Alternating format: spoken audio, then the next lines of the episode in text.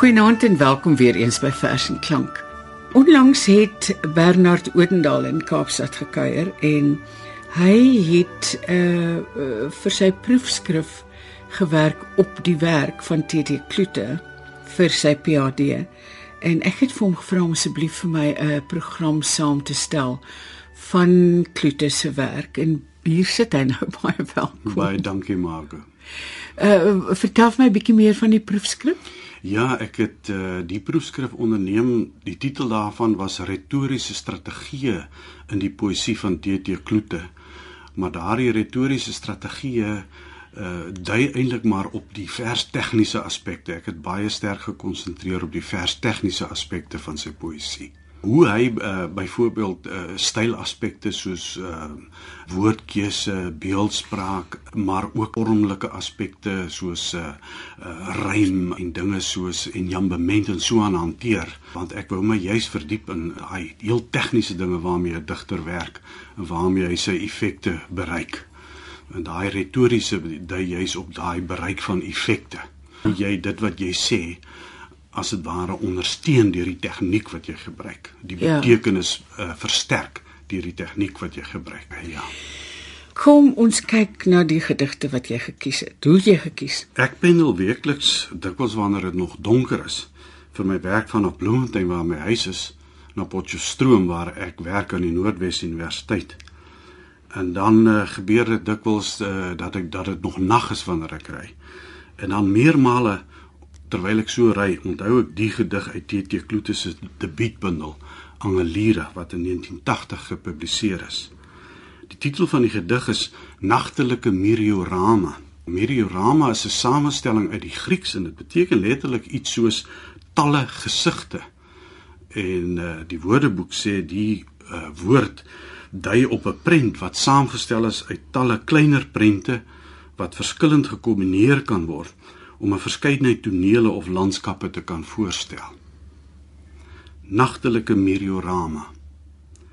In en uit ligbel na goue geligbel reis ek. Strak, skaduloos en onvanpas gloei 'n laning turksvy. Wit en afgrondelik strek die pad glansende nat vlaktegras golf. 'n dennebos flakker en swel snel tot 'n knal wat blitsplots donker vol vloei. 'n Nat draadpalery staan silwerig. Nat straal 'n laning boombas. Landskappe word plots afgerond sonder dat hulle word. Volmaak glans 'n swart koei wat onverstoord makaber wy. Veraf word randjies deur die weerlig gewerp en skitter sidderend kort. Die een na die ander oopgekraak word landskap na landskap sover ek ry vinniger as weerlig een een swart vernietig. Bernard is nie 'n maklike gedig om te lees nie. En ek wonder want wanneer jy dit lees dan is die beelde wat jy wat opgeroep word deur die gedig vir my baie duidelik, maar ek moet sê toe ek dit self gelees het en dit nie geken het nie, hoegenaamd nie geken het nie, het ek gesukkel as gevolg van my gevoel was die vorm was vir my te moeilik. Ja, presies. Want uh, wat hy hier ehm um, meer uh die enjambemente. Ja, presies. Die spel tussen tussen aan die een kant die die uh, beweging wat enjambement bewerkstellig maar aan die ander kant die stoppe wat meegebring word deur die geleerde woorde sesure maar deur leestekens in die middel van versreëls te plaas dikwels meer as een so leesteken dan kry jy so 'n spanning tussen aan die een kant voortbeweging maar ook van remming. En dis presies die as jy so in die nag ry en die een, een ding na die ander kom verskyn en dan verdwyn dit weer. En die die tegniek ondersteun uh, dit wat 'n mens waarneem op hierdie wyse heel effektief het ek gereken.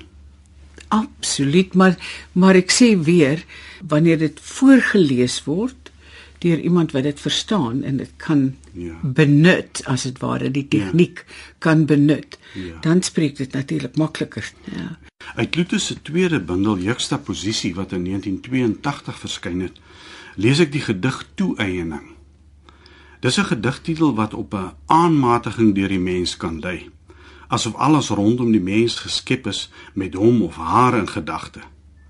Ken 'n mens egter Kloete se werk en meer besonderhede word dit duidelik dat dit eerder om dankbare verwondering gaan hier om die wyse waarop die gelowige mens die godsopenbaringe in die skepingsdinge kan waarneem. Toeëning. Die berge is vir my blou in hulle stand geplaas. Die ozon filtreer die temperatuur temperend vir my huid. Die dorp raas genoeglik vir my oor in hierdie voorbestemde uur onheuglik terug. My liggaam mag hier lig wandel met die lag van 'n glansende tand mag ek die fyn afgestemde vuur met 'n spits neus en dun hand en rooi tong. Die aarde hel in sy baan vir my. Die bome bloei vir my. Die suikerbekkie bestaan vir my. Dis vir my wat die reier statig roei.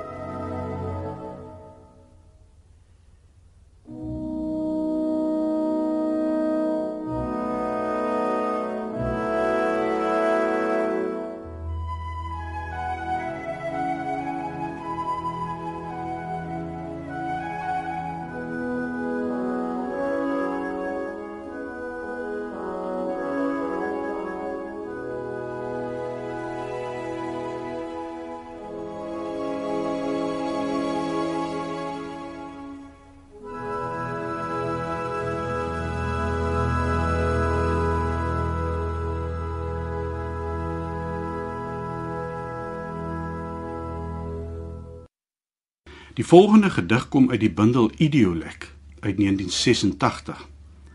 Hoe die vingermerke van God aan die skepingsdinge te sien is, word hier nog duideliker gemaak in die tekening van die bevoorregte arktiese swaal. Die swaal verkeer meer as enige ander skepsel op aarde in die daglig, simbolies van God se teenwoordigheid.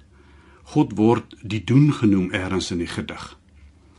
Let op hoe groot die supervleer se vlerke is in vergelyking met sy lyf. Arktiese swaal. Vleis en been, vere, 'n gewig van 125 gram. Die span van sy vlerke 79 cm. 'n Lyflengte van 33. Swart oogies, die instinkse teosofiese dink. Bleekwit longe. Dan die son en sterre se lig en hulle bestendige patrone in die diep hemele plus in homself gene en hormone met 'n chemiese onrus die geringe liggaampie se dryflus oor kontinente oseane deur siklone deur die seisoene se draai geaktiveer deur Arktika en Antarktika georiënteer fyn gevoelig vir die aarde se magnetiese veld kan hy dwarsteer dag en nag feilloos navigeer. Op sneeuvuur gerig sien hy per jaar meer daglig as enige ander wese, die uithaler klein vleer. Ryk saamgestel doen die doen sy ding in die mikrostraler. Sy aerodinamiese spel in die nietige gevoel speel hy reeds 'n ewigheid van pool tot pool.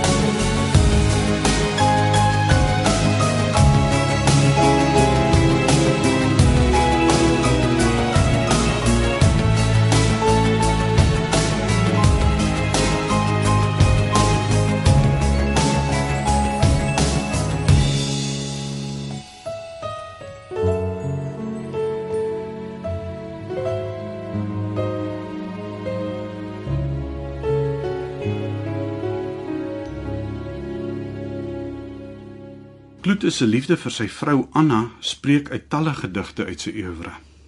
Meer as eenmal het hy beweer dat sy die eintlike digter in hom was. Sy het hom geïnspireer en was die eerste kritikus van sy werk. Hulle was 58 jaar getroud en sy is 6 jaar gelede oorlede. Die volgende gedigte het almal min of meer te doen met die verhouding tussen hulle. Ten slotte ook met die pyn wat die verlies van haar dood vir hom meegebring het. Unisex uit Allotroop 1985. Ons het mekaar se 80 plus jaar lief sonder onderskeid van man en vroulikheid. Sonder sterkste en eerste, sonder taaiste en teerste of mooiste. Ons eilhare is ewe lank en dun. Ons roosblaarheid is ewe blank en gevrat nooit van tevore so nie seer seker het ons mekaar so lief gehad nie en nooit meer en meer getrou as nou nie. As een nou moet doodgaan hou die ander een sommer op om te bestaan. Albei se arms is vlerke wyd gebak vir mekaar om in te hak as een se voet sou swik is die ander een ook gewrik. Ons gaan eensgesind geklee. Die eeners is al twee. Anna uit met die aarde praat 1992. In die ryping van ons jeug het ons mekaar met die prediker verheug. En nou al meer en meer vel en been sonder vleis is ons saamhoort 'n groeiende wonder. Baie van die ryp word het ek vandag vergeet en ons smoor verliefse smoor is lankal oor en baie van ons saamlag. Maar ek het nog fragmente daarvan oor in my onthou. Ons het saam in die helder son in 'n summer season when soft was the sun in brugge geloop.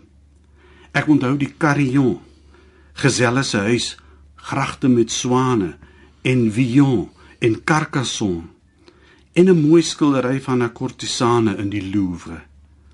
Maar van alle onthou van my en van jou onthou ek jou helder langs my in profiel langs my oral uit die wit lig van my land gesny.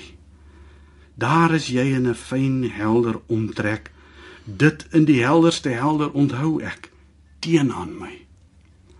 Ek herken jou voetstappe in 'n besige straat in ons dorp van baie ver. Die beste het gebly ek hoor jou stem sonder dat jy praat kyk ek sonder jou is daar skille oor my diep oogkasse. Ek kyk sonder pupille. Ek soek jou omtrek om my getrek. Ek soek jou in die appel van my oog. Kyk ek na die melkweg, in die gras, in die water, na die boog van die aarde, altyd iewers is jy ingepas. Hmm. Stilhuil uit onversadig 2011 Stilhuil knyp die gapermossel oë toe. Knyp vuur by die stram spleet van die ooglede uit. Stilhuil ruk 'n droë wurg af deur die kramp van jou sluk af in jou strot. Die huid huil gloeiend in stilhuil. Dit gryp jou onder die gesakte ken aan die keel. Dit swel die lippe tot 'n bloederige dik roes. Dit kyk die bome, die telegraafpale skeel. Stil huil suig 'n brandende droë snik binne toe. Dit laat die ooghare soos die nat rooi gras van die bilte in die reën swaar grond toe hang. Voel die toefou van 'n donker hand se palm en vingers om die son se brand. In stil huil huil die hele liggaam bloederig saamgetrek in die neuspunt stilhuil laat in die boom van jou are deur jou lyf regfyn strak staande 'n gloeiende gestolde weerlig vertak